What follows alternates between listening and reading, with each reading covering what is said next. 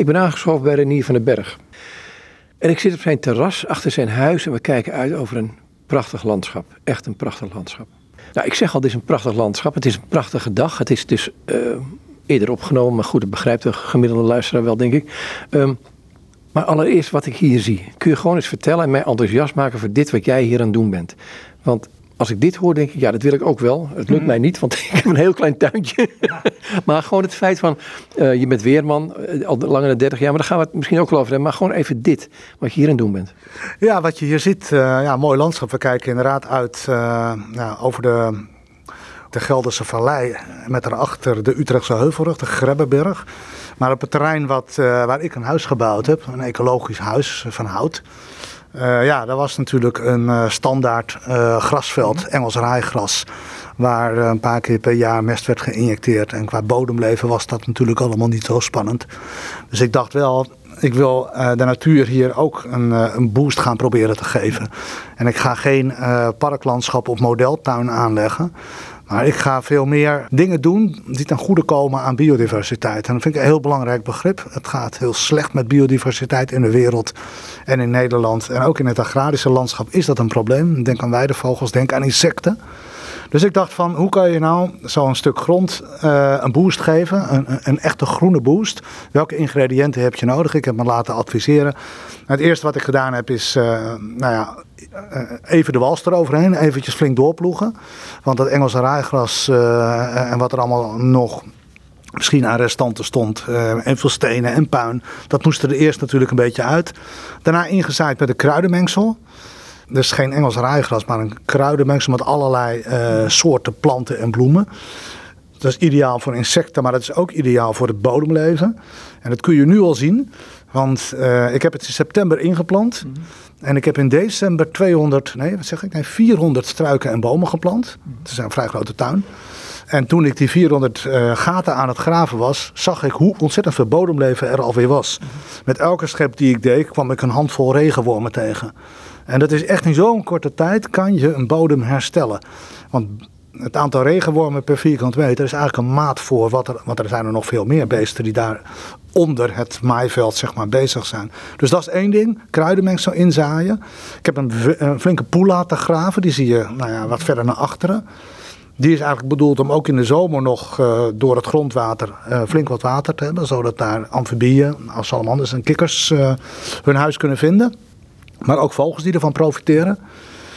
Ik heb uh, aan één kant een vogelbosje aangelegd. Daar staan lijstenbessen, Gelderse roos. En dat moet eigenlijk een oase worden voor die vogels die hier natuurlijk toch uh, in dit gebied veel voorkomen. Dus ik ben, eigenlijk ben ik te vroeg gekomen. Want ik, ik vind vogels kijken heerlijk hè? Ja, je bent misschien te vroeg gekomen. Hoewel, uh, het is wel grappig. een paar dagen geleden kwam hier een echtpaardje patrijs door de tuin heen stappen. Prachtig om te zien. Man, een man en vrouw. Die liepen zo langs de pool hier. En uh, een fazantenpaardje, die komt hier regelmatig kijken. Ik ben benieuwd of die hier komt nestelen. Terwijl er nog niet zo heel veel schouwplekken zijn, maar dat willen wij dus verbeteren. Uh, ja, goed, uh, de, binnenkort komen de zwaluwen weer, de boerenzwaluwen. ja, er valt veel te zien. maar ik vind het belangrijk om, om de natuur of de grond ook wat terug te geven, zeg maar. Maar goed, dan kijk je verder op het land op en dan is wel het Engelse ras. Ja, dat klopt. Uh, want we zitten hier in een agrarisch gebied. En er zitten hier ook best nog wel wat melkveehouders. Mijn buurman is ook een melkveehouder. En ja, dat is toch een beetje eh, het klassieke beeld van Nederlands, uh, Nederlands boeren, zeg maar. Met enorme velden met Engelse gras, Waar dan een paar keer per jaar mest wordt geïnjecteerd. Dan ben je van je mest af en je bemest de bodem. Maar je sloopt ook het bodemleven, want je scheurt er met mesten doorheen. En het bodemleven krijgt niet de kans om echt volwaardig uh, heel rijk te worden. Dus het is mijn hoop dat we in dit gebied hier, het is toch wel het groene hart van een aantal plaatsen hier, zoals Renen, Wageningen, Ede. Het is mijn hoop dat we samen met boeren, we zijn ook in gesprek met boeren, om uh, ja, die biodiversiteit uh, op grotere schaal te gaan toepassen. En boeren ook enthousiast te krijgen voor uh, te werken met kruidenmengsels in plaats van Engels raaigras. Andere bemestingsmethoden. Als je bemest is ruwe stalmest stukken beter. Voor het bodemleven. Je gooit dat er gewoon in plaggen op, zeg maar. En uh, regenwormen trekken dat naar binnen, de zoden in. En daar wordt het verder verteerd. Ja, dat is, dat, dat is een hele andere manier van boeren. Waarbij je toch ook wel goede opbrengsten kunt halen aan melk. Uh, en dus ook aan kaas en zuivelproducten en zo. Dan hoor ik twee dingen al. Eén, ik even naar de stadsmens toe, die dan hier een boerderijtje koopt en denkt, we gaan op het land wonen. Die mest uitrijden, ja, dat stinkt. Ja, weet je, kijk, voor mij is het zo, ik ben hier bewust gaan wonen in het agrarische gebied en je zult mij nooit horen mopperen over stank of zo. Uh, als je hier gaat wonen, dan weet je dat er af en toe een lekkere poeplucht uh, over het land komt en dan moet je je was even niet buiten hangen. Uh, ja, en als je in een stad gaat wonen, heb je misschien eh, de lucht van diesels. En ja, zo heeft elk gebied wat. In het agrarische gebied ruik je gewoon af en toe de mest. En ja, dat hoort erbij. Dat is, de, dat is de keuze die je maakt als je wilt gaan wonen in het agrarische landschap. Een ander ding is, um, we kijken op het rijgras uit, het Engelse rijgras. Um, Zo'n boer enthousiast maken voor een kruidenmengsel. Hij heeft koeien. Dit is de opbrengst van het land wat gras betreft, maar ook wat betreft de, de melkopbrengst. Hoe, hoe, verhoudt dat zich en kan een boer zomaar overschakelen? Nou, het is lastig hoor, om uh, als je ja, toch een beetje in het keurslijf zit van het moderne Europese landbouwsysteem. Met zo hoog mogelijke opbrengst, met zo weinig mogelijk middelen. En dan nog moet een boer keihard werken om uh, rond te komen. Dat valt best niet mee, dat zie ik bij de buurman. Als ik zie hoeveel uren hij in zijn bedrijf steekt en wat daar uiteindelijk onder de streep overblijft. Nou, dat is diep respect voor. Dat maakt dat die boer ook helemaal niet zo makkelijk die overstap kan maken naar een businessmodel, want dat is het. Uh, waarbij de inkomsten toch op een andere manier uh, moeten worden gegenereerd. Dat er onder de streep nog steeds hetzelfde ongeveer overblijft, misschien wat meer zelfs. Maar dat is lastig. Dat betekent die overstap van een traditioneel melkveebedrijf naar een biologisch melkveebedrijf. betekent dat je, ja, dat je, je moet investeren. Je kunt het niet zomaar zeggen van, nou weet je, vanaf morgen ben ik biologisch. Nee, dat kan niet. Daar gaat jaren in zitten. Daar moet je in investeren. En eigenlijk heb je dus kapitaal nodig. En dan kan je naar een bank gaan. Maar een bank, nou, die staat niet meteen uh, enthousiast. Oh, meneer de boer, u wordt biologisch boer. Hier heeft u drie ton. Zo werkt dat niet. Boeren krijgen niet zo makkelijk uh, uh, deze investeringen via banken zeg maar, betaald. Dus ze moeten op andere manieren aan geld komen. Nou ja, als je dat niet kunt vinden, dan blijf je gedwongen in dat systeem zitten. Dus ik snap ook wel dat het niet zo is dat boeren allemaal al mas ineens overstappen. Het moet ze ook wel een beetje makkelijker gemaakt worden. Je moet ze ook wel helpen, uh, zodat ze wel degelijk met hun gezin en inkomen kunnen blijven houden. Het systeem is vaak opgericht van bovenaf, ja. uh, top-down. Dan hoor ik ook uh, dat er initiatieven zijn om de opbrengst van wat de boeren hebben, de melk, ehm, de landbouwgewassen, datgene wat ze eh, eh, van het land halen, om de direct naar de consument te brengen, naar de stad te brengen, naar het dorp te brengen waar ze bij wonen. Ja, dat is een uh, interessante mogelijkheid. En dat wordt in Nederland uh, nou, toch wel heel duidelijk zeg maar, nu op de agenda gezet. Uh, Herenboeren is een van de organisaties waarbij je als consument tegen een bepaald tarief per maand en per jaar de seizoensproducten van die week of die maand uh, kan kopen voor uh, commerciële prijzen, zeg maar. Voor die boer betekent dat interessante businessmodellen, want al die partners, al die schakels daartussen zijn er niet meer eens meer. De retailers, waar de grootste winstmarges vaak blijven zitten. Dus het is heel interessant. ik vind het goed dat ermee geëxperimenteerd wordt. En uh, ja, dan zou je uh, biologische landbouw misschien inderdaad gefinancierd kunnen krijgen. Doordat consumenten ongeveer of misschien 5% meer betalen. Maar het wel rechtstreeks bij die boer komt. Ja, je ziet in Engeland dat het steeds meer furoren gaat maken, dit, die boerenmarkten. Ja, misschien dat Engeland daar een goed voorbeeld van is. Misschien dat er meer landen zijn waar dit uh, gebeurt. En het is natuurlijk eigenlijk het traditionele systeem, zoals het heel vroeger ook ging. Ja, toen waren boeren natuurlijk ook de lokale leveranciers van, uh, van seizoensproducten. En dat hebben we helemaal verlaten uh, in, een, uh, ja, in een industrieel systeem zoals het anno 2020-2021 gaat. Maar ja, soms komen we toch terug op de lessen die we vroeger hebben geleerd. En ik denk dat dit een voorbeeld is van dat we weer een beetje terug naar vroeger moeten gaan. Hoe kom jij zo geïnteresseerd in het, in het milieu? Je bent weerman, tenminste, daar kennen de meeste mensen hiervan tenminste. Als ja. überhaupt kennis een groot woord vind ik, want ja. Ze weten hoe je eruit ziet. Ja, ja, precies. Nou ja, ik, mensen zouden me kunnen herkennen, want ja, ik ben officieel de langst presenterende weerman van Nederland uh, met ruim 30 dienstjaren, zeg maar. En ja, het weer is gewoon altijd mijn passie geweest. En dat is ook een van de uh, redenen misschien wel dat ik op deze plek ben neergestreken. Uh, niet alleen dicht bij de natuur, maar ook met waanzinnige wijdse uitzichten. En als kind wist ik al wat ik wilde worden toen ik op de basisschool zat. En dat was, ik wil later weerman worden. Hoe, hoe kwam dat? Ja, dat kwam omdat het een passie was die mijn broer al had ontwikkeld. En mijn vader was de aansteker daarvan. En zo gaat het misschien wel uh, van generatie op generatie. En mijn broer is tot en met de dag van vandaag uh, zeer fanatiek met weer en meteorologie bezig. Was ook een van de oprichters van uh, mijn werkgever Meteo Consult destijds. Dus dat zat er voor mij van kind af aan in.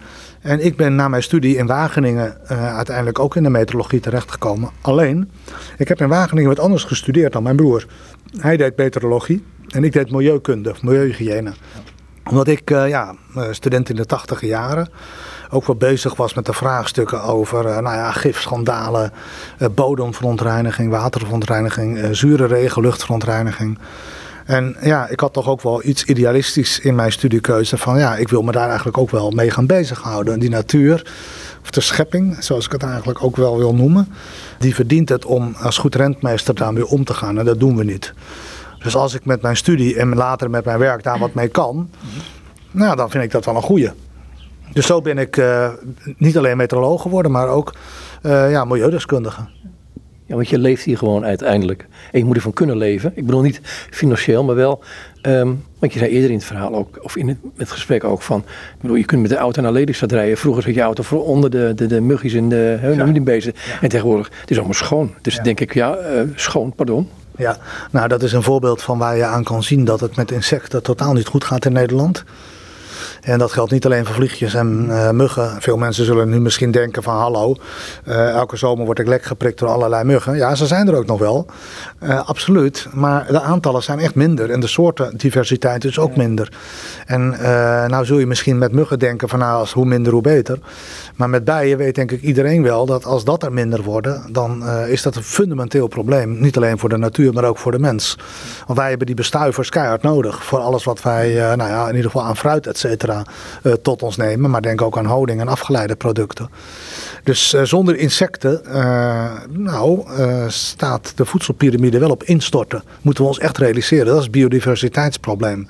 Iets wat een Keniaan mij ooit zei. Die zat in het bosbeheer in Kenia. En die zei, ik kom in Europa of in het Westen. En ik heb het idee dat jullie ehm, de natuur gekolonialiseerd hebben. Ja, goed, als je kijkt naar hoe wij met de natuur omgaan, uh, ja, dan moet je natuurlijk eerlijk bekennen dat, uh, dat er in uh, Europa of in Nederland niet zo gek van natuur meer over is. In de zin van, wat is natuur? Is natuur datgene wat er was voordat de mensen kwamen? Of is natuur datgene wat samen met mensen andere vormen krijgt? En zo kan je natuurlijk een discussie hebben over de Veluwe. Is dat natuur of niet? Nou, ik denk dat 99% van de Nederlanders dat natuur noemt. Maar het zijn wel bossen die zijn aangeplant door de mens. Want daarvoor waren er geen bossen, want die hebben we gebruikt voor het hout in de tijd van de, de, de, de, gouden tijd van de Nederlandse geschiedenis, zeg maar. Met 5000 uh, galjoenschepen van hout sleepten wij als Nederlanders in de Gouden Eeuw het hout van eiken tot uit Frankrijk. Dus ook in Frankrijk werd er massaal ontbost, omdat wij 5000 galjoens wilden bouwen. Dus wat is er van de natuur over? Uh, misschien heel weinig als je natuur bedoelt als iets zonder mensen. Maar ik denk dat we als mensen ook moeten zien dat wij landschappen uh, qua biodiversiteit en qua origine uh, toch ook weer kunnen herstellen. Ik heb altijd een vreemd idee gevonden, wat, uh, alsof het ecosysteem bestaanbaar is zonder mens. Want dat heb ik altijd een rare gedachte gevonden. Ik, ik, ga er iets anders bij zeggen. Um, ja. Philo van Alexandrië, rond de jaarwisseling, rond de jaartelling, begin van de jaartelling, onze jaartelling. Um, die zei van, God schiep de wereld in zes dagen en dat deed hij om de aarde klaar te maken voor de mens. Goed, dan kan ik nog wat anders zeggen over. Dat mag ik eerst niet doen. Eerst ja. dit. Nou ja, goed. Uh, kijk, in mijn vorige antwoord uh, laat ik al doorschemeren dat ik inderdaad de mens zie als onderdeel van het uh, hele ecosysteem van de wereld. En dat is natuurlijk terecht. we zijn een soort, nou, we zijn er veel, 7 of 8 miljard. maar we zijn onderdeel van het systeem aarde met al zijn levensvormen. We zijn afhankelijk van al die levensvormen. misschien dat sommige levensvormen ook een beetje van de mens afhankelijk zijn. in die zin nou ja, in ieder geval, we zijn, we zijn een onderdeel van het ecosysteem. Dat is zeker waar. Alleen um, wat die 7 of 8 miljard mensen natuurlijk ook hebben uitgevonden, is ja, uh, intelligente en uh, extreem intensieve, efficiënte systemen om, uh, ja, om diersoorten inderdaad in korte tijd te laten uitsterven. Of ja, regenwouden zeg maar te decimeren. haaien vanwege het feit dat ze een bepaald vinnetje hebben op extreem grote schaal tot en met de dag van vandaag te vermoorden. Ja. dat is de mens ook. En zo is het natuurlijk niet bedoeld. Wij leven niet in harmonie met, met veel levensvormen. En ik denk dat uh, oorspronkelijke bewoners van een continent, denk aan Aboriginals in Australië of aan Indianen in de VS en Zuid-Amerika, veel beter doorgegeven hebben, generatie op generatie, hoe je in harmonie eeuw in, eeuw uit eh, en in balans met die diersoorten om je heen kunt blijven leven. Zonder dat je ze definitief de een naar de ander over de rand van extinctie en uitsterving stuurt. Dus ik denk dat de mens uh, ja, vanwege zijn zucht naar geld, macht en uitbreidingsdrang onherstelbare schade heeft toegebracht. Goed, dat kun je top-down gaan proberen te veranderen, maar ik zie het hier van beneden af gebeuren. um, En dan begin je klein en dan begin je mensen ook weer zeggenschap te geven. Maar hoe, hoe maak je mensen zich bewust van, hé, hey, we zijn een onderdeel van die schepping. Um, rentmeesters noem je het. Um, ja, ja. Hoe maak je mensen daar weer van bewust? Terwijl heel vaak de gedachte toch is, ja, dit is alles wat er is.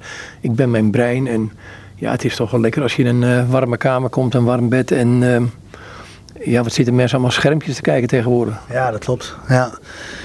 Ja, hoe krijg je dat weer tussen de oren van mensen? Kijk, ik ben zelf altijd. Uh, er gaat een hele grote hommel in, in, in het kruidenmengsel. Ik weet niet of je hem ziet, maar dat vind ik altijd mooi om te zien. Dat die beesten er ook alweer zitten. Die grote, grote hommels. Begin maart, hè, dan heb je hem alweer. Maar ja, zo, zo, zo, ik kijk dus altijd om me heen. Hè. Ik zie altijd wel weer dingetjes bewegen en zo. Ja, ik, ik, heb, ik heb het hetzelfde. Hè. En dan zit ik met iemand te praten over ernstige onderwerpen. En zeg ik, kijk, twee nonnetjes. Ja. En die worden dan meteen van Doe gewoon. Ja, precies. Ja, nou ja, gelukkig herkennen wij die taal. Maar misschien is dat wel wat mensen weer nodig hebben. Verwondering over het alledaagse. En daar hoef je geen grote tuin voor te hebben. Want ook als je een balkonnetje hebt. Ik, uh, een goede vriendin van ons heeft een uh, balkonnetje uh, op de zesde verdieping van een appartement. en dat is een balkonnetje, nou echt niet heel groot. Maar dat is gewoon een fantastische tuin. Met allerlei soorten gewassen planten en zelfs boompjes. En er zitten insecten en zo.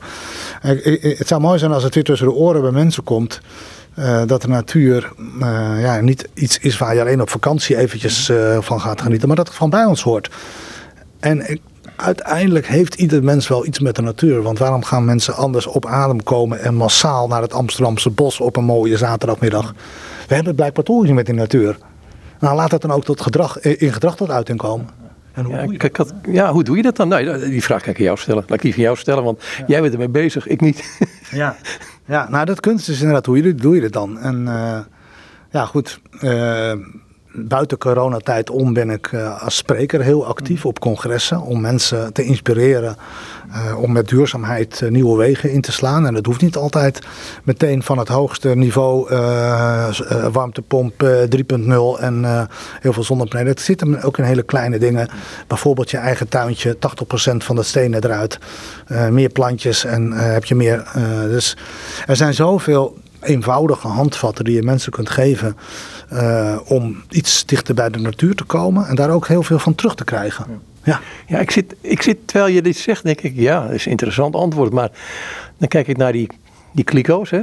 Ja. Uh, en, en zeker met die oranje deksel, dat zal plastic zijn, denk ik, want ja, die hebben wij net zo. Ja.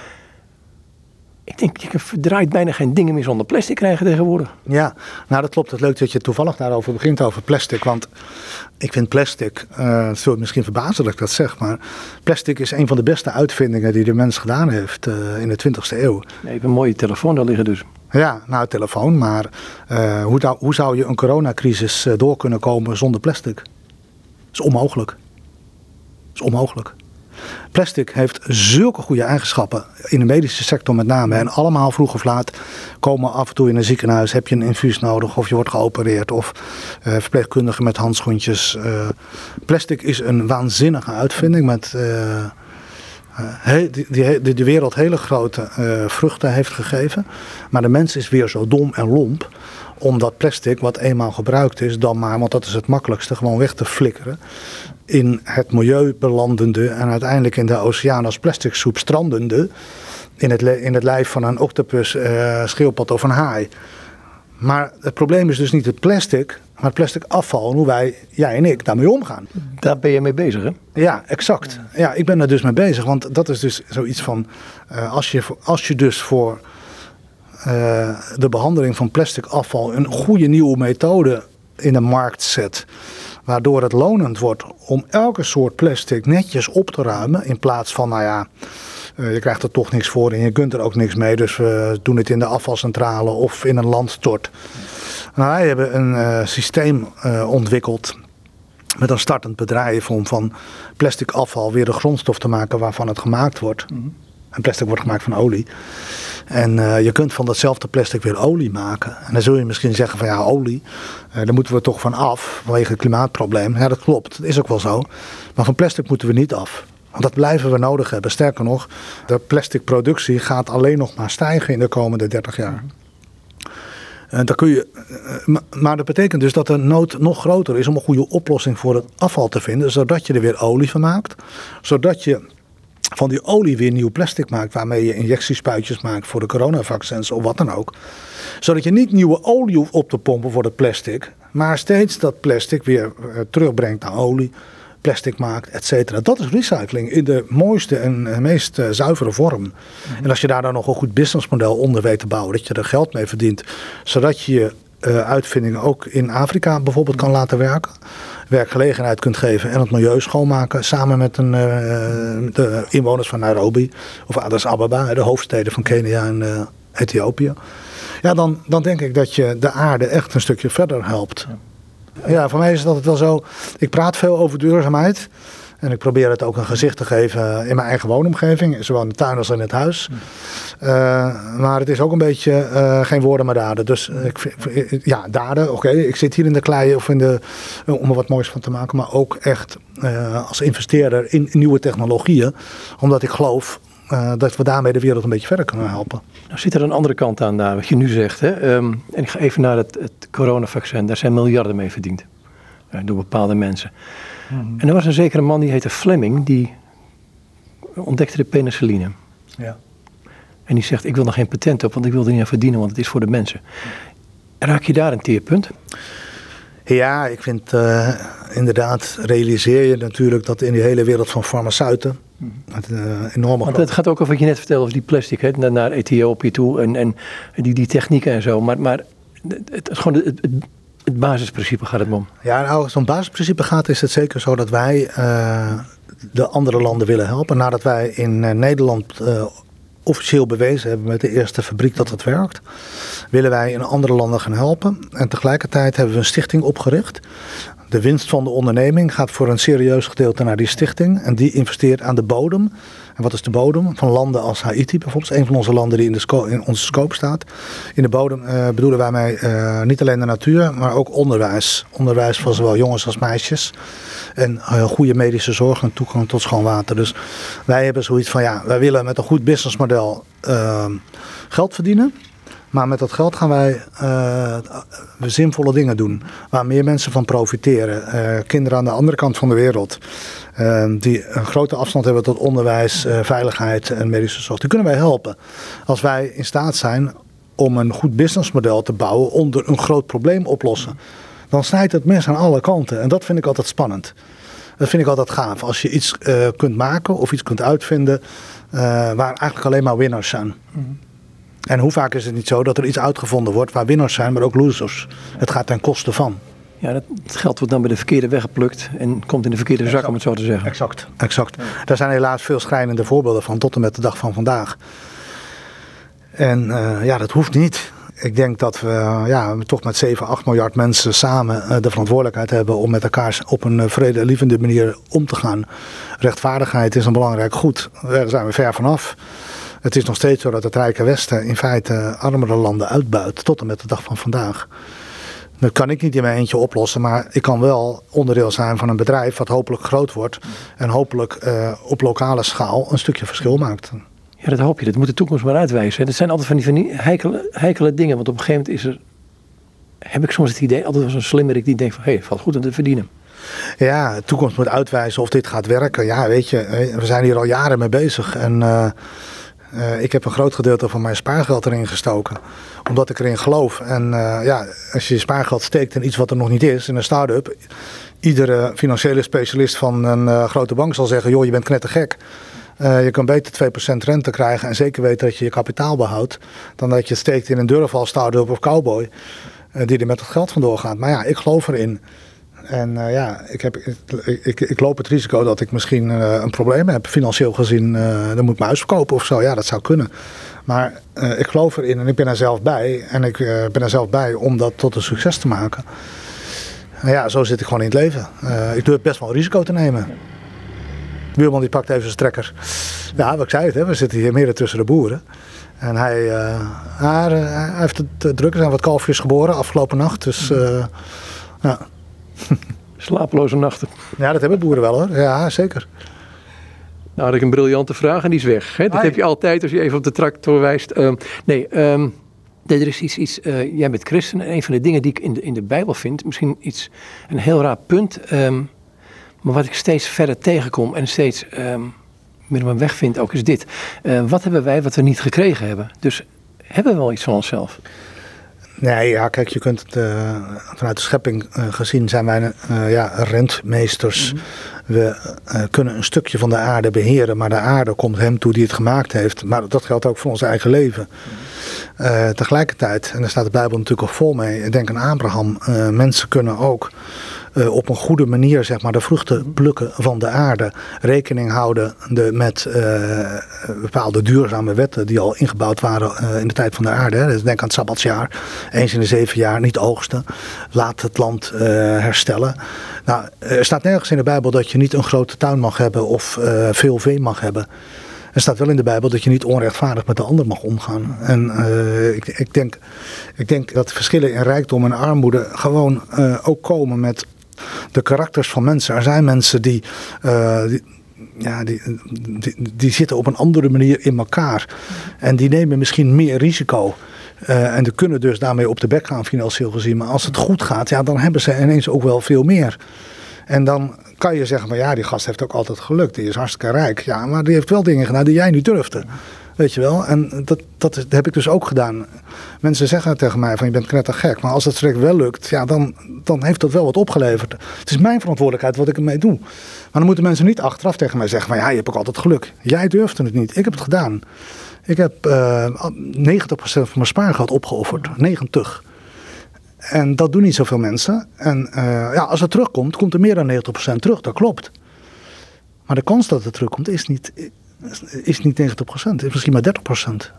Maar ik bedoel er ook mee te zeggen, ten opzichte van de maatschappij waarin we leven, van uh, het is toch vaak de heb die er is, um, dat je je bezit losjes vasthoudt, alsof het niet van jou is. Ja, ik, ik, ik zie mijzelf, uh, hè, ik kan zeggen ik ben eigenaar van dit stuk grond. Mm -hmm. Maar de manier waarop ik ermee omga, kan je al zien dat ik het um, eigenlijk zie als iets uh, wat beter moet worden. Die grond moet beter worden. Uh, de beesten, de vogels, uh, de salamanders en de kikkers, die moeten er baat bij hebben. Die hommel die daar nog steeds vliegt nu, die vindt het fijn dat ik dit heb ingezaaid. Weet je wel? want dat, een jaar geleden was dat er niet. Nou heeft hij ineens keuze uit een miljoen paarse bloemetjes volgens mij. Dovernetels. Nou, die is hartstikke vroeg komen ze uit. En, dus ja, ik ben eigenaar, formeel volgens de notaris ben ik eigenaar van deze grond. Maar als ik er op een gegeven moment niet meer ben, blijft er iets achter wat dan een stuk mooier is geworden. Ja. Geloof ik echt. Dus dat is ook weer een stukje investering en uh, een missie eigenlijk. Een missie om uh, met respect om te gaan met alles wat leeft. En dat kan je echt in je eigen tuintje, of die nou 10 vierkante meter is, 100 of 1000 of nog meer. Iedereen kan met zijn eigen stukje waar hij uh, beheer over gekregen heeft, als huurder of als koper, kan die daar goede dingen mee doen of het verwaarlozen en slechte dingen mee doen. Het zit hem niet in de grootte. Het zit hem ook niet in de rijkdom. Het zit hem in de manier waarom je omgaat met leven. In het klein en in het groot. Ja. Wat zijn voor jou in deze omslagpunten geweest in je leven? Uh, omslagpunten in? Nou, gewoon de manier waarop je naar de dingen kijkt. Um, je zegt, ik, ik ben uh, altijd in het weer geïnteresseerd geweest als jong kind. Ja. Um, ik hoor je af en toe zeggen van, um, zoals dit wat ik hier zie, de schepping. Dus het komt er soms een beetje wijfelend uit. Is, is daar een omslagpunt voor geweest om daar meer nadruk op te leggen? Nou ja, ik ben uh, ja, gewoon in een christelijk warm nest opgegroeid. Uh, christelijk gereformeerd nest. Dus uh, de waarde van de Bijbel en het feit dat de levende realiteit, maar ook de dode realiteit, sterren, weet ik het allemaal, geschapen is door God. Zo ben ik opgegroeid. ja, natuurlijk tijdens mijn studie in Wageningen. ik ben heel rationeel ook ben ik ook over heel veel dingen diep gaan nadenken, dingen gaan lezen. En is dat nou echt wel zo? Hoe zit het dan met de evolutietheorie? ik heb getwijfeld. Ik heb een uh, waakvlammetje aan geloof overgehouden. Maar uiteindelijk is dat geloof toch weer veel meer dan een waakvlammetje geworden. Alleen nu wel op zo'n manier dat ik wetenschap en geloof op een, naar mijn smaak, harmonieuze manier kan verbinden met elkaar. voor mij is wetenschap, genetica, ontstaan leven niet in tegenspraak met wat er in de Bijbel staat. Nee, ik bedoel, wat ik je hoor zeggen is in wezen geloof. Het wordt vaak tegenover elkaar gezet. Waar ik denk, ja, het ligt, ja. In, het ligt in elkaars verlengde. Uh, het, het geloof heeft toch te maken met een realiteit die groter is dan ons. Wanneer ze bij kunnen. Dat verbeelden we ons eigenlijk, maar goed.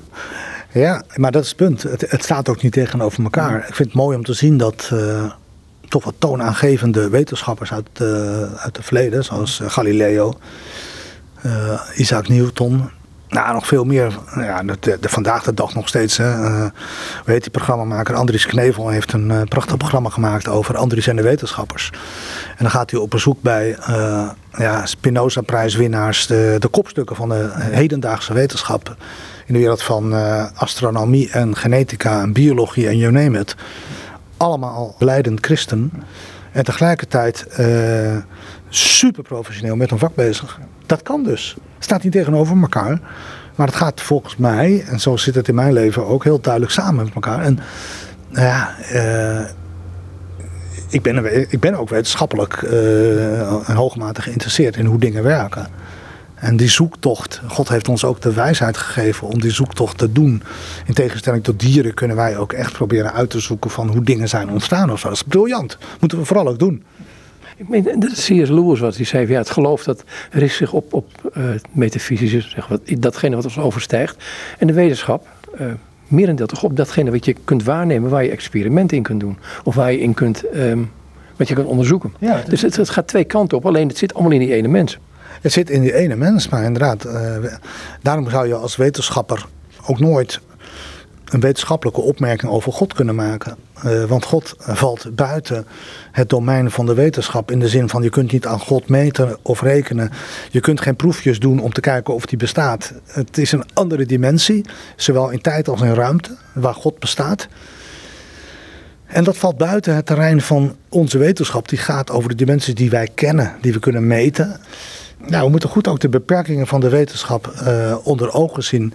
En dat uh, de wetenschap ons heel veel leert over hoe de schepping functioneert mhm. en zal functioneren. We kunnen ook modellen maken van hoe het verder gaat. Maar we kunnen geen uh, wetenschap bedrijven door te zeggen van. en dat is ook een beetje het gevaarlijke van de, de intelligent design mhm. gedachte. Van nou, kijk eens hoe complex bijvoorbeeld een knie is gemaakt of een oog. Uh, daar moet God wel achter zitten. En ik heb dat hele lange tijd ook een hele plausibele gedachte gevonden als het bewijs van dat God bestaat. Maar wat nou als we op een gegeven moment toch ontdekken hoe die knie ontstaan is in de loop van uh, tig, jaar. Dan uh, valt dat stukje bewijs weg van God. En dan is God een soort gatenvullen geval. En de ene na het andere gat wordt gedicht door voortschrijdend inzicht. En dan heb je als gelovige die daarop vastklampte geen poot meer om op te staan. Dus die theorie van intelligence is een interessante gedachte, maar het is ook een valkuil. Kan. Ik bedoel, je kunt er, je kunt er twee kanten mee op kijken. Maar goed, um, is het dan zo dat, um, dat wij, hier zit de wetenschap beperkt, maar zijn wij als mens gewoon niet beperkt? We kunnen het hebben over God in relatie met ons aangaat. Dat is bijna uit een andere dimensie naar ons toe. Ja, dat denk ik ook. Dat denk ik ook. Ja, goed, de, de dimensies die wij kennen zijn uh, hoogte, breedte en diepte. Dat zijn er drie. En de tijd is de vierde. Dus we hebben vier bekende dimensies waar de, het leven van de mens zich in afspeelt. In ruimte en tijd. Is alles mee gezegd. Geldt voor alle organismes die we kennen. Maar we weten eigenlijk allemaal dat er wel meer is dan dat. Uh, dat er, is meer tussen hemel en aarde. En dat kan soms uh, al, blijken uit uh, nou, misschien een bepaalde droom die je op een merkwaardig moment krijgt. Of misschien wel omdat twee mensen op uh, plaats X en Y op exact hetzelfde moment aan iets zelfs denken. Of aan elkaar denken. Er is meer tussen hemel en aarde en dat bevindt zich niet in die vier dimensies. En God, als wij bidden tot God en als wij geloven dat we contact hebben met God door te bidden ja, dan is dat ook buiten die dimensies. Want God kunnen wij niet uh, zeggen van die is op uh, x-coördinaat 6 en y-coördinaat 8 op het moment uh, t is 21 februari. Kan niet, want God is eeuwig en is overal. Is alom aanwezig. Dus we, we, kunnen ook vanuit wetenschap eigenlijk wel best aannemelijk maken dat als God bestaat, dan, dan is die wel overal en altijd. Dat, dat is voor mij eigenlijk wel een logische gevolgtrekking. En tot dat enorme grote uh, verhaal, tot die grote God, die, in, geen enkel woord, wij proberen ons beelden te maken, maar dat kunnen we helemaal niet. omdat God veel te groot is, past hij in geen enkel beeld. Want elk beeld wat we maken zit vast aan die vier dimensies. Maar God stijgt er bovenuit. Dus ik heb totaal geen idee over hoe groot God is. Nee, is maar goed ook. Tegelijkertijd is het die, die relatie met hem. Misschien wel die intimiteit kan er zijn. Ehm, zijn er dingen die jij in je leven bent gaan ontdekken? Of wat naar je toegekomen is? Ja, ik denk uh, dat ik als gelovige um, ja, toch in ieder geval heel veel bevestigingen heb gekregen als wetenschapper en als rationeel man. Van dat God inderdaad zich bezighoudt met die eenvoudige sterveling die ik ben. En dat er genoeg, en echt, dat zijn er echt meer dan genoeg momenten in mijn leven zijn geweest. Uh, daar kan je natuurlijk altijd van zeggen, ja dat was toeval. Mhm. Maar ik heb dat echt heel bewust gewoon uh, niet als, uh, als toeval gezien, maar door het tussen beide komen van God. En of, je, of je dat verdient of niet. En waarom bij jou wel en bij een ander niet. Dat zijn allemaal dingen die kunnen we niet beantwoorden. Maar de vaste overtuiging dat God zich bemoeit met het leven op aarde. Ja, die, die staat bij mij wel als een paal boven water. Heb je daar een voorbeeld van, van eigen leven? Hoe dat, hoe dat gewoon een, iets wat ik met je tastbaar kunt maken? Um, ja, zijn eigenlijk, eigenlijk zijn het wel heel veel dingen. Uh, ja, nou ja, eh, soms ook hele gekke knipogen. Um, nou ja, je hebt al, we hebben in het begin beschreven hoe mooi dit uh, stukje grond erbij ligt en zo. Mooi uitzicht en zo. Ik heb in uh, 1999 een ballonvaart gemaakt. Dus dat is 22 jaar geleden. En die ballonvaart steeg op in Bernakom. Dat is een dorp 5 kilometer verder, 4 kilometer verderop. En die ballon die voer op een mooie zomerdag, s'avonds in 1999, recht over dit stuk grond. In de richting van de uh, Utrechtse Heuvelrug en nou verder uh, over de rivier. Nou, tot zover niks bijzonders. Maar uh, ik maakte natuurlijk foto's uit de ballon. Want ja, zo vaak zit je niet in een ballon. En toen maakte ik een foto vanuit de ballon, blijkbaar. Want die, foto, die dia heb ik nog steeds.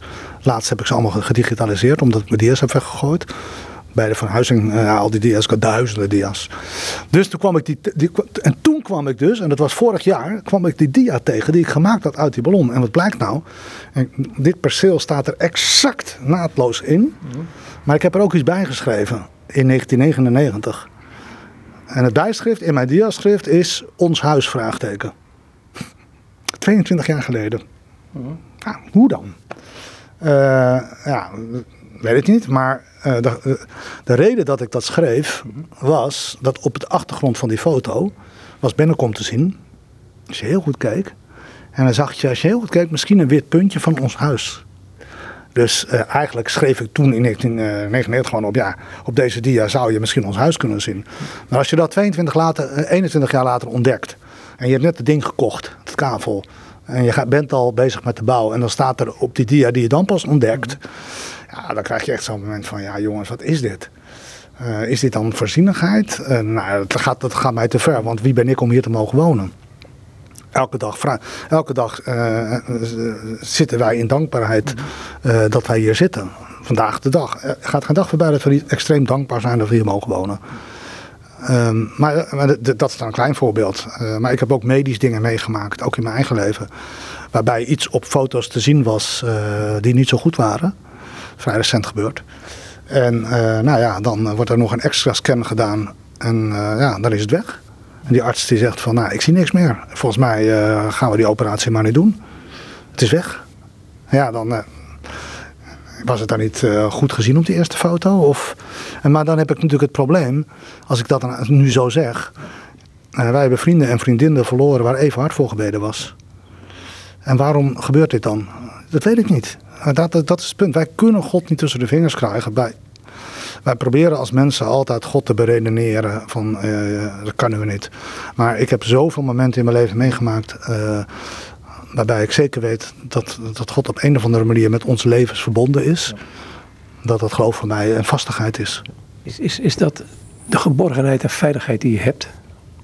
Wat er ook gebeurt, laat ik het maar heel voorzichtig zeggen.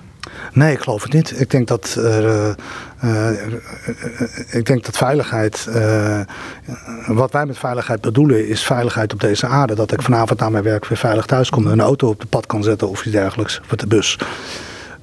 Dat noemen wij veiligheid. Ik denk dat het bij God om veiligheid vooral gaat om nou, hoe geborgen ben je in mijn naam nu en in de toekomst. En of jou, jouw leven vandaag of morgen of over 30 jaar ten einde komt, dat heeft niet zoveel met die veiligheid te maken voor God. En, en dat God je soms redt en een ander mens of, een, of mij een andere keer niet redt, ja, dat is aan God. Voor hem ben je nog steeds zijn geliefde kind die een veilige toekomst heeft in zijn handen. Alleen voor ons mens, wij zitten altijd te kijken op dat korte tijdlatje. Van shit, uh, ja, het is een ongeluk. En, maar we weten niet wat er aan. Ik vind dat toch altijd die vergelijking van dat. Uh, ja, dat is een, een dooddoener natuurlijk, maar zo'n geborduurd kleed. En ja, als je tegen de onderkant aankijkt, zoals wij mensen tegen het leven aankijken, is het één grote bende van weerwar en doodlopende draadjes en stukken draadjes. En we snappen er helemaal niks van. En als je s'avonds naar het nieuws kijkt, snap je er helemaal niks van. Oorlog en geweld en seksueel misbruik en nog veel erger en meer. Maar nou, misschien kijkt God wel op de andere kant eh, van het eh, borduurwerk en ziet hij toch het grote plaatje. En dat kunnen wij niet zien. Dus wij kunnen God niet uh, meten. En dat is natuurlijk het mooie van het verhaal van Job ook. Dan gaat het in het verhaal van Job eigenlijk ook over. Ja, wie ben jij nou om mij te kunnen nameten? Je was er toch niet bij. Weet je wel? En zo, zo moeten wij wel onze plaats weten ten opzichte van de schepper, denk ik. Ja, bij Job komt het omkeermoment. Ik heb u gezien, weet je, zoiets. En dan denk ik, hallo, wat gebeurt er dan met je? Ja. Nou, het grappige is natuurlijk dat Job, uh, ja, er wordt hem natuurlijk alles uh, ontnomen. Alles wat hem lief is, het wordt eigenlijk meestal beschouwd als een parabel. Oftewel een, een, een verhaal om lessen te leren. En wordt alles opgenomen, afgenomen en nog looft hij en prijst hij de Heer. Dat is natuurlijk al heel erg wonderlijk. Maar op een gegeven moment uh, heb je dan Job 38, die discussie tussen God en Job. Uh, waarbij God Job mee naar buiten neemt. Zeg maar, zie je de sterren, de sterrenbeelden en zo. En, uh, waar was jij toen ik het geschapen had? Hoe kan je mij dan napluizen? Dat vind ik wel een mooie gedachte. Want dat moeten wij ons ook, denk ik, elke keer weer realiseren. Dat God te groot is hè, om, om na te meten. Dan kijken we hier uit op, een, op dat land van jou. Daarna, daarachter dat Engelse rijgras heet het, meen ik. Um, er staat een wind, zo'n molen hier met, met wasgoed. Ook heel, heel poëtisch. Maar goed, daarachter een populier. Um, vertel dat verhaal, want dat, dat is ook een van de dingen waar je druk om maakt. Die, um, zo'n windmolen, maar ook zo'n um, zonne-energiepark... wat hier over, de, over die prachtige groene weilanden zou komen. Ja, dat is wel een dingetje natuurlijk. We zitten met die grote energieopgaven in de wereld, uh, klimaatakkoorden in Nederland. En iedere gemeente in Nederland ontkomt er niet aan om uh, duurzame doelen uh, vast te leggen. En te streven naar zoveel procent CO2-vrije opwekking van stroom. En dat kan je op allerlei manieren realiseren. Je kan dat doen door alle daken vol te leggen. Je kan dat doen door langs uh, de infrastructuurassen, de snelwegen, windmolens te plaatsen. Je kunt dat doen door geluidsschermen te beleggen met zonnepanelen. En je kunt dat doen door grote parkeerterreinen te overdekken met zonnepanelen. En daar kan je heel veel duurzame stroom opwekken. Maar er is een veel makkelijkere methode. En dat is uh, gewoon uh, boerengrond volplempen met zonnepanelen. Want uh, we hebben eigenlijk te veel boeren in Nederland, zegt men tegenwoordig. We, uh, we, verwachten dat we met veel minder boeren toe kunnen. Ook dat is nodig om klimaatdoelen te halen. Dus we gaan boeren uitkopen. Ze leveren hun uh, velden met Engelse rijgras in. Ze krijgen er goed voor betaald. En wij leggen er als Nederlandse overheid of als gemeente X of Y 10 of 20 of 30 hectare zonnepanelen neer. Ja, dan denk ik bij mezelf, hoe kan je nou in een wereld waar honger actueel issue is, uh, grote stukken vruchtbare grond omvormen tot energiecentrale. Uh, en als je er al niet uh, landbouwgrond van maakt om uh, bietjes of aardappelen of wat voor producten ook te maken, plant het dan vol met biodiverse gewassen, inheems, zodat de natuur zich kan herstellen van de kaalslag die wij gepleegd hebben. Maar ga nou toch niet die grond volplempen met, met zonnepanelen. Nou, dat is waar ik me heel druk over maak en dat toch wel terecht ook, want ook in dit groene hart van deze vijf plaatsen zijn er al soort van toestemmingen gegeven door de gemeentes om grote stukken van dat groen wat je voor je ziet te veranderen in glasplaten. Ja, daar ga je spijt van krijgen. Uh, ik denk dat de beesten, we hebben hier net een natuurgebied van 200 hectare gerealiseerd uh, met de bewoners en de gemeentes, waar vogels gek op zijn en waar mensen gek op zijn. En dan ga je daarnaast uh, enorme velden met zonnepanelen neerleggen. De reeën lopen hier tot vlakbij, de hazen lopen elke dag door de tuin. Het is hier één grote beestenbende. Maar hoe gaat dat worden als je dat allemaal afdekt met zonnepanelen? Dus wij hebben hier een coalitie gevormd met de bewoners uit dit gebied. Uh, om met een alternatief plan te komen. En uh, gewoon eens te gaan uitrekenen hoeveel daken er nog vrij zijn. Hoeveel vangrails en geluidsschermen er nog langs de wegen kunnen. En of er plaats is voor een aantal grote windmolens op plekken waar ze niet storend zijn. Langs de A12 bijvoorbeeld. Want ja, uh, als het aan een gemeente ligt, zou er misschien waar die auto nu rijdt in de verte een grote windmolen komen. Ja, ja. Maar ja, daarachter ligt dat natuurgebied met honderdduizenden vogels. Ja, en die vliegen op. En dat, dat, dat kost altijd een heleboel vogels toch het leven. Nou ja, dat zou zomaar kunnen. Ja. Uh, er is van de week uh, natuurlijk ook uh, nieuws geweest. Een zeearend die gesteuveld is in een Duitse windmolen. Nogmaals, ik ben voor windenergie. Ik ben ook voor zonne-energie. We hebben het echt nodig, maar we moeten het wel intelligent doen. En, en ik ben bang dat we ons nu in een soort fuik lopen van buitenlandse investeerders die hier met groot geld eh, boeren wegkopen. Gemeentes die snel aan hun doelen komen en dat wel best vinden. En natuur, bewoners en boeren, ja, die hebben nakijken. En uh, daar moeten we voor zijn. Daar maken heeft, heeft, het, heeft, het, het ook te maken misschien met, het, is maar gedachte hoor, dat, um, dat je merkt dat um, in de politiek waar die beslissingen genomen wordt, dat dossierkennis niet altijd even paraat is? Dat is een goede vraag die je stelt. Uh, ik denk dat, uh, dat het inderdaad met kennis te maken heeft, uh, maar vooral met visie ook. Uh, en ik zal daar een ander voorbeeld van geven, waaruit blijkt dat die visie soms echt dramatisch ontbreekt. Dan ga ik niet makkelijk scoren met coronamaatregelen of zo. want dat is ook een heel moeilijk vraagstuk geweest, dat kennen we niet zo goed. Maar ik ga wel scoren met ehm, wat zijdelings met de corona te maken heeft, misschien. Met de verbreding van de A27 bij Amelisweert. Ehm, de minister, Cora van Nieuwenhuizen, die heeft zijn tanden erin gezet en heeft uh, de handtekeningen gezet om ten koste van weer een stuk van Amelis Weert die weg veel breder te maken. Waarom? Nou, omdat het zoveel files uh, met zich mee zou brengen. Dat stuk A27 staat op de dertigste plaats van filegevoeligheid. Uh, in de top 100 van filegevoelige plekken. Dus dat valt eigenlijk wel mee. Maar die peiling is uit 2019, voor corona. Nu zitten wij een jaar in een coronacrisis. En we hebben geleerd wat thuisvergaderen en thuiswerken is. En er zijn echt ontzettend veel mobiliteitsdeskundigen van universiteiten en geleerden die zeggen van eh, na corona uh, komt de tijd voor corona niet volledig terug. Een deel blijft mhm. bestaan. En welk deel is dat? Nou, een deel van thuiswerken en thuisvergaderen via Team en Zoom blijft. Voor corona ging, nou ja, ging, uh, ging, was iedere vergadering in Nederland fysiek. En je ging voor een vergadering van een uur van A naar B. En A naar B kon best Groningen Amsterdam zijn. Na corona is dat niet meer zo. Als je die verkeersbewegingen meerekent in nieuwe modellen, dan blijkt dat je die A27 nooit hoeft te verbreden. Hmm. Scheelt 3 miljard euro of 2 miljard. Kun je investeren in andere dingen. Je laat de natuur overeind. En toch gaat het gebeuren. Nou, dit is een, een schoolvoorbeeld van gebrek aan kennis en visie. Niet bereid zijn om met voortschrijdend inzicht je plan te veranderen. Dat vind ik diep triest kan er helemaal uh, amen op zeggen, gek genoeg. Ja. Want ik heb, maar goed, nou ben ik uh, bevooroordeeld. Want ik, ik, heb, ik vond het, um, ik heb al heel lang zo'n voordeel urenkaart. Het is nu een dal urenkaart geworden bij de NS. En ja, ik vind het triest voor de NS, ook voor de mensen die ontslagen gaan worden. Maar de treinen zijn op dit moment, nou, niet echt goed bezet. Dus een zitplaats heb ik altijd. Ja, ja dat is natuurlijk... Uh wat er ook gebeurd is in de coronacrisis, dat het hele, uh, de manier van reizen is veranderd, zowel in de auto als in de trein. En het is natuurlijk zo dat mensen uit angst voor corona toch liever hun eigen autootje nu pakken, dan dat ze met andere mensen een treincoupeetje delen, of treinstel delen. Dus uh, de spoorwegen zijn inderdaad ongenadig hard geraakt door de coronacrisis. En uh, ja, ik hoop wel dat na de coronacrisis uh, de spoorwegen weer terugkomen bij de populariteit die ze hadden voor de coronacrisis.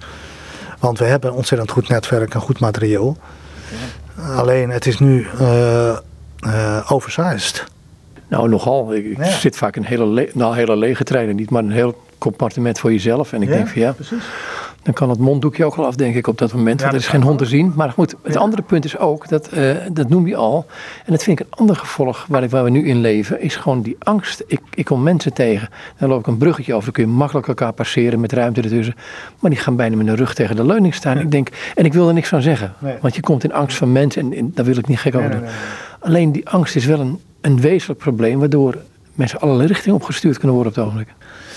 Ja, ik denk dat eh, angst ja, is iets wat mensen eigen is natuurlijk. Maar het kan natuurlijk ook eh, veel te widespread worden. Oftewel veel te grote vormen aannemen. En eh, ja, het is natuurlijk zo dat de media ook een bepaalde rol spelen. En als je een jaar lang naar gewend bent. Als je, als je het afgelopen jaar naar het NOS Journaal hebt gekeken om 8 uur. Dan ging 90% van het nieuws over corona. En als het geen 90 is, is het 80. Toch? Het ongewenst bijeffect kan zijn dat we panisch worden. Oké, die, die treinen. Ik zie ook minder vliegtuigen. Dus je zou op de andere manier ook kunnen zeggen: hé, hey, eh, dit komt het milieu wel ten goede. Ja, maar het is ook zo. Ja, het is ook zo. Eh, die coronacrisis heeft ons ook een beetje terug bij afgebracht. Eh, ja, de, uit, de samenleving is een beetje heruitgevonden. Eh, met pijn, eh, met moeite, maar ook met vruchten. En de vruchten zouden kunnen zijn dat mensen meer toekomen aan thuis. Aan de prioriteit thuis. En dat gaat met spanningen, dat snap ik. Als je jonge kinderen hebt, is het niet makkelijk.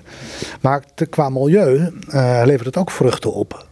Want er is natuurlijk wel inderdaad eh, in het afgelopen jaar veel minder uitgestoten aan CO2, aan roet, aan fijnstof, omdat we minder vliegen, omdat we minder auto rijden. En dat zijn, nou, dat zijn dus de vruchten van zo'n eh, crisis.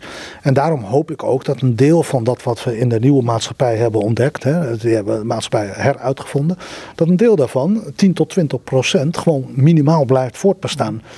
En dat eventjes heen en weer vliegen naar Barcelona voor een weekend. Dat dat, ik eh, ben misschien pessimistisch. Ik moet nog zien of het gebeurt. Maar ik hoop dat een deel van die nutteloze vliegtuigbewegingen eh, in de toekomst toch minder vanzelfsprekend wordt. En als dat niet zo is, ja, dan moeten we met prijsprikkels gaan werken. Dan moet vliegen vijf keer zo duur worden. Niet 5% duur, nee, vijf keer zo duur. En dan, en, en dan maak je meters. Je moet het echt eh, wel op een rigoureuze manier doen, want de luchtvaart wordt zwaar gesubsidieerd. En daarom kan eh, iedereen voor drie tientjes even naar Londen in een weekend. Met alle gevolgen van dien voor het milieu. En als je die tickets dan eh, duurder maakt, eh, dan kun je dat geld wat je daarmee onder de streep overhoudt, kun je investeren in natuurontwikkeling, bescherming. Maar de boeren helpen met het gras anders, of het landschap het land anders inzaaien. Waar ook de melkopbrengst zal 10% lager zijn, meen ik. Maar toch. Ja, precies. Ja, maar dat is inderdaad eh, op een creatieve manier eh, de maatschappij verder ontwikkelen en eh, heruitvinden. En je zult, we, we, we zullen nooit moeten denken, er is geen gebrek aan middelen of geld. Als er al mensen waren die dat dachten, dan hebben we in de coronacrisis wel geleerd dat het niet zo is. Want het ene miljard na het andere miljard vliegt over de toonbank om ondernemers, en ben ik zelf ook, eh, uit de brand te helpen. Dus eh, het, er is niet gebrek aan middelen. Uh, dus dat mag nooit het excuus zijn dat wij niet investeren in natuur, in biologische landbouw. Zo. Die middelen zijn er. En laten we ze dan ook echt op de goede manier aanwenden. Zodat de generaties na ons ons dankbaar zijn. In plaats van ons als het ware voor de rechtbank slepen van wat hebben jullie nou toch gedaan met die aarde. Ik wat hierbij later, dankjewel. Nou, graag gedaan. En dit is Renier van den Berg. Met hem was ik in gesprek um, over een aantal aspecten van duurzaamheid, zal ik het maar noemen. Um, en we zijn begonnen bij zijn tuin en misschien ook al geëindigd bij zijn tuin en de boer hiernaast. Goed, nogmaals, zoals ik al zei, tot zover dit gesprek met Reinier van den Berg.